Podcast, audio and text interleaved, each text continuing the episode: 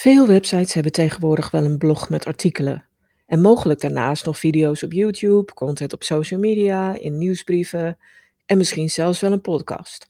Maar die content levert vaak geen omzet op. Hoe dat komt en met welke content je wel omzet genereert, hoor je in deze aflevering.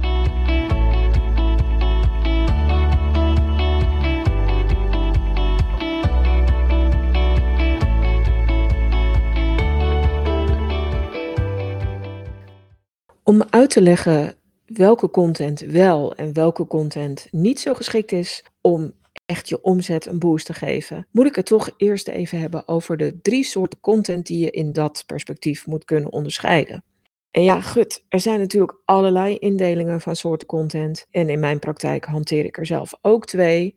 De eerste houdt rekening met vier soorten content die voorkomen dat je eentonig wordt en ervoor zorgen althans hopelijk, dat mensen je ook nog leuk gaan vinden. En die indeling maakt onderscheid tussen informerende en helpende content aan de ene kant, die rationeel is, en inspirerende en entertainende content aan de andere kant, die is meer emotioneel. En door dat te mixen krijg je veel meer variatie en kom je gewoon veel beter over. De andere indeling die ik hanteer in soorten content heeft er vooral mee te maken dat je je hoofd boven het maaiveld wil uitsteken. Je wil als het goed is, geen 13 in een dozijn content maken, maar liever opvallen. En dan maak je content die ofwel scherp is, of heel erg goed helpend is, die intrigerend is, mensen tot nadenken aan, uh, aanzet, of dat ze denken, hé, kan dat nou?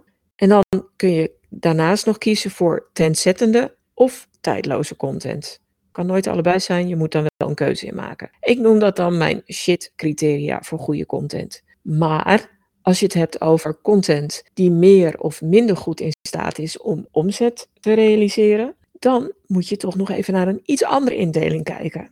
Dus ik hoop niet dat ik je hiermee in verwarring breng, maar ik wil je echt met deze indeling voor je content aangeven welke rol bepaalde content kan hebben in het verkoopproces. En dat zijn wat mij betreft drie rollen die je content kan spelen. De eerste soort content is content die mensen aantrekt die zich nog helemaal niet van jou en jouw kwaliteiten bewust zijn of van je bedrijf.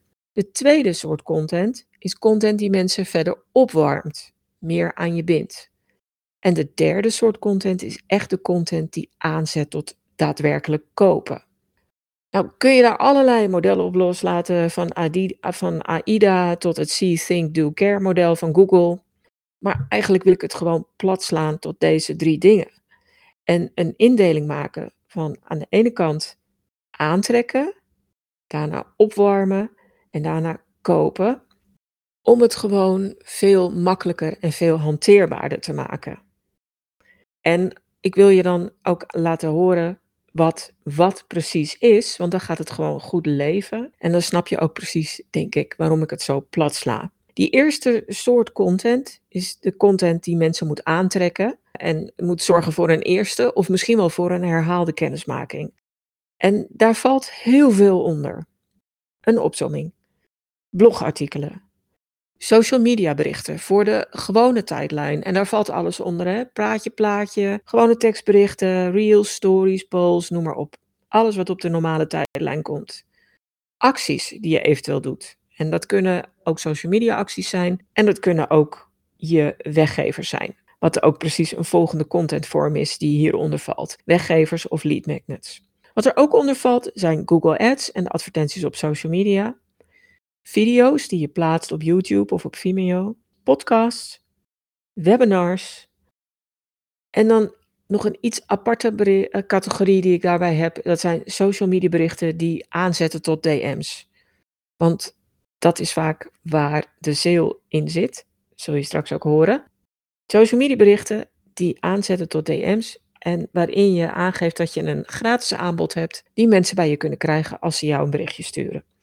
Maar wat al deze content gemeen heeft, is dat het een koud publiek aantrekt. En ja, er kan iemand tussen zitten die al eens eerder wat van je gelezen heeft. Kan iemand zijn die nu aan het Google is, terwijl die ook nieuwsbriefabonnee is. Maar over de hele bandbreedte genomen zijn het mensen die je eigenlijk nog niet kennen en die nu wel met jou gaan kennismaken. En dan vaak hele nuttige inzichten opdoen. Maar daarna wel weer vertrekken. Dus die kennismaking is vaak maar kort. Dat betekent dat je ook content nodig hebt die mensen verder opwarmt en aan je bindt. Wat daaronder valt, zijn natuurlijk de e-mails of de nieuwsbrieven die je naar je nieuwsbrieflijst stuurt. Dat zijn mensen die al een bepaalde band met je hebben. Het kunnen ook de follow-up mails zijn voor mensen die je weggever of lead magnet hebben gedownload of hebben bekeken, als het bijvoorbeeld een video of een videoserie is. Het kunnen hele specifieke weggevers zijn. Bijvoorbeeld als het weggevers zijn die je gebruikt als een follow-up naar wat bredere weggevers, meer generieke weggevers. Wat daar ook onder valt, onder dat opwarmen en verder opwarmen en, en binden, dat zijn social media advertenties, waarbij je mensen retarget. Dus die hebben je al een keer gezien, misschien iets gelezen op je website, of het zijn de mensen die je volgen. Maar ja, je weet dat social media bereik dat dat maar, maar gering is onder je volgers en connecties. Dus dat kun je boosten door retargeting advertenties op social media. Het kunnen ook concrete berichten zijn die je naar connecties of volgers stuurt. Bijvoorbeeld omdat je een vraag hebt en eigenlijk ook gewoon bepaalde interesse wil peilen. En op het moment dat mensen jou een DM gestuurd hebben, vanuit die eerste categorie, de berichten op social media waarbij je iets aanbiedt waardoor mensen op een DM op jou moeten kunnen reageren, dan beantwoord je die ook met een DM en als je het slim aanpakt, heb je goed nagedacht over de reactie die je via DM doet. En heb je die ook klaarstaan en bijvoorbeeld ook weer concrete extra informatie of content erbij staan. Dus dat is ook wat mij betreft content. Het is niet zomaar een spontaan gedicht tekstje wat je even in een DM gooit. Dan die derde categorie content die mensen echt moet aanzetten tot kopen. En wel nu, meteen, direct. Dus dat is je sales content. Daar valt het volgende onder. Persoonlijke mails naar leads en naar bestaande of eerdere klanten over een specifiek aanbod of actie waarvan je denkt dat dat heel erg bij hen zou passen of bij hun situatie zou passen. Gerichte salesmails naar het segment van je nieuwsbrieflijst dat op specifieke links heeft geklikt en mogelijk of waarschijnlijk open staat voor een salesaanbod. Als mensen jou DM'en of jij DM't hen, kun je daar ook heel duidelijk een salesaanbod in zetten. Natuurlijk niet in alle situaties, dat moet je echt wel goed uitzoeken en balanceren, maar die vallen er wel onder. DM's met een gericht verkoopaanbod. En wat daar ook onder valt en wat niet zo heel veel gebruikt wordt, dat zijn persoonlijke voicemails, bijvoorbeeld via een dienst als Voxer, of persoonlijke video's, bijvoorbeeld via een dienst of tool als Bonjoro dan kun je bijvoorbeeld als iemand jouw weggever heeft gedownload, kun je die iemand heel snel een persoonlijke korte video sturen. Waarbij je ook echt zegt, ook begint met de voornaam en zegt: Hey Edwin, hey Rashid, leuk dat je net mijn, mijn weggever hebt gedownload. Heb je nog een vraag? Dan sta ik voor je klaar en dan kun je altijd tot mij richten. Dus dat zijn hele korte voicemails die je in respons op een actie van iemand anders kunt doen. En daarmee start je een proces dat mensen veel eerder aanzet tot kopen. Maar dan, nu kom je mogelijk tot twee inzichten. Althans, ik merk dat dat twee gangbare inzichten zijn die vaak voorkomen. De eerste is shoot. Ik maak, of wij maken, vooral die eerste categorie content. Dus die content voor koude mensen, die wel die eerste kennismaking hebben, maar verder niks. Of het tweede inzicht, ja ho, wacht even. Het gaat toch om de achterliggende intentie waarmee iemand mijn blogartikel leest, mijn video kijkt of mijn social media bericht ziet. Dus als ik nou me richt op de intentie die, van iemand die al bijna aan een koop toe is, dan maak ik toch al sales content. Het klopt eigenlijk allebei. Allebei die inzichten komen heel veel voor en zijn ook in feite waar. Want de meeste mensen maken vooral die koude content. Maar die koude content kun je wel heel veel warmer maken. Bijvoorbeeld door je in de inhoud specifiek te richten op het stadium waarin iemand zit en dan bij voorkeur een stadium dat al dicht bij het moment van die aankoop ligt. Ik noemde het eigenlijk net al. Dat kun je op verschillende manieren doen en ik, ik noem een paar voorbeelden. Een vergelijking van twee of meer producten, bijvoorbeeld die van jezelf en die van één of meer concurrenten. Het moet natuurlijk wel een objectieve vergelijking zijn, maar daarmee maak je het voor de aanstaande koper wel een stuk makkelijker. Dat is nog steeds koude content, want iemand zoekt waarschijnlijk, die kent jou nog niet, die zoekt waarschijnlijk op dienst A voordelen, nadelen of dienst B, voordelen, nadelen of dienst A, dienst B vergeleken. Wat het ook kan zijn, is dat iemand vrij koud zoekt, maar wel een gevorderde vraag heeft. Dus dan maak je een FAQ-artikel, een gewoon artikel of een video met antwoorden op die gevorderde vragen. En in het verlengde daarvan kan het ook zijn dat je super gedetailleerde informatie over een dienst of een product en wat het iemand oplevert, verpakt in een uitgebreid artikel, in een whitepaper of in een lange video. Dan is het nog steeds koude content. Het is die eerste kennismaking, maar je haakt wel in op iemand die echt al een fase verder is. Geruststellende content. En dat is eigenlijk content die iemand zegt: hey, hier zit je helemaal goed hoor. En vaak is dat sociaal bewijs in de vorm van case studies, of als je die niet hebt of dat past niet uh, bij je aanbod, in de vorm van testimonials of vergelijkbare klanten. Zodat iemand denkt van, oh wacht, oh die zijn hier ook klant en die lijken op mij, of die hebben dezelfde vragen, dezelfde behoeften, wensen, etc. Ik zit hier goed. Als je pech hebt, kan iemand die wel al veel dichter bij die echte koopintentie zat, je nog steeds door de vingers glippen en na die eerste kennismaking helemaal weer uit beeld verdwijnen. Is die koude content dan zinloos? Nee, absoluut niet. Die is zeker niet zinloos. Want die koude content, die zorgt ervoor dat mensen je ontdekken. Het maakt je namelijk vindbaar en het trekt mensen voor, naar je site voor die eerste kennismaking. En net als bij daten, die eerste date is nodig voor er meer van komt. En het maakt je ook zichtbaar, zodat mensen in elk geval je naam zien en je die hopelijk later ook weer herkennen. Bijvoorbeeld op social media, op het moment dat je in een tijdlijn langskomt, ze hoeven niet eens te klikken, ze hoeven niet per se naar je website te gaan, maar naarmate ze vaker je naam of je bedrijfsnaam op zien duiken, zullen ze je op een gegeven moment toch wel herkennen. Alleen dat is echt niet genoeg. Dus op het moment dat je tot het andere inzicht bent gekomen, namelijk dat je vooral koude content maakt, en vergis je niet, bijna alle bedrijven maken vooral die koude content, omdat die vaak ook ingegeven wordt door zoekvolumes. Ze maken content, blogartikelen, video's, andere berichten op basis van hoeveelheden volume waarop iemand ergens naar zoekt. Dat is vaak de content die het eerst gemaakt wordt.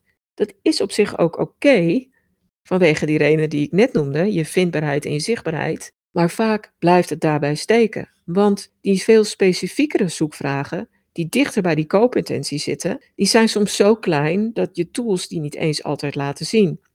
Maar er kan wel heel veel waarde in zitten. En koude content is vaak ook gemakkelijker om te maken. Dat kun je doen ofwel vanuit jezelf of met behulp van desk research of misschien een interview met één of meerdere mensen met uitzoekwerk. Dat maakt niet uit. Het is vrij gemakkelijk te maken. Terwijl die warmere content en zeker die hete, die sales content, die vraagt echt om een duidelijke strategie. En die vraagt ook om een doordenken en het voorbereiden van bepaalde content, salesmails vaak, die nou ja, minder leuk zijn om te maken voor veel mensen. Die vinden het gemakkelijker om ergens over te bloggen, iets wat ze bezighoudt, of waarvan ze denken dat het relevant is voor hun publiek, dan om een serie salesmails te maken, waarbij ze een traject zich moeten voorstellen met een begin en een eindpunt. Maar waar het om gaat is dat je uiteindelijk balans hebt in de soorten content die je maakt. Dus ja, die koude content heb je nodig, maar mix hem met content die zorgt voor het vervolg, voor het echte opwarmen en uiteindelijk er verkopen. Want dan heb je content die echt je omzet een duw omhoog geeft. Om het nog iets concreter te maken, geef ik je nog één keer drie voorbeelden van die warme of zelfs gloeiend hete content. Heb je een weggever Verstuur dan enkele opvolgmails met aanvullende informatie voor je overgaat tot het verzenden van je normale nieuwsbrief. Over het algemeen is de nieuwsbrief de follow-up van een weggever. Maar maak je één, twee of drie specifieke opvolgmails die iemand krijgt kort na het downloaden, dan sluiten die over het algemeen veel beter aan bij de oorspronkelijke behoeften van die downloader of kijker. En die opvolgmails die komen vaak ook eerder dan je uh, uiteindelijk een nieuwsbrief. Dus ook de timing sluit heel veel beter aan. Een ander voorbeeld is dat je extra salesmails maakt voor mensen die eerst product A bij je kochten en die je nu eigenlijk het verwante product B wilt verkopen. Dan heb je echt een verkooptekst nodig. En de derde actie die je kunt nemen is om te werken met een gesegmenteerde mailinglijst. Ook als je mailinglijst maar klein is. Zorg dat je weet wie waarin geïnteresseerd is als je meer dan één dienst of product verkoopt. En doe daar dan bij passende aanbiedingen bij die je in passende content verpakt. En dat zijn dus ook weer e-mails. En dat is het grappige als je gaat kijken naar deze content. De warme en hete sales content is bijna altijd content die je via mail verstuurt, via DM's verstuurt of via heel persoonlijke berichten verstuurt. Dat maakt het lastig om met massawerk en met automatiseringen te werken. Het kan wel, maar dan moet je goed bedenken en uitdenken wat je doet.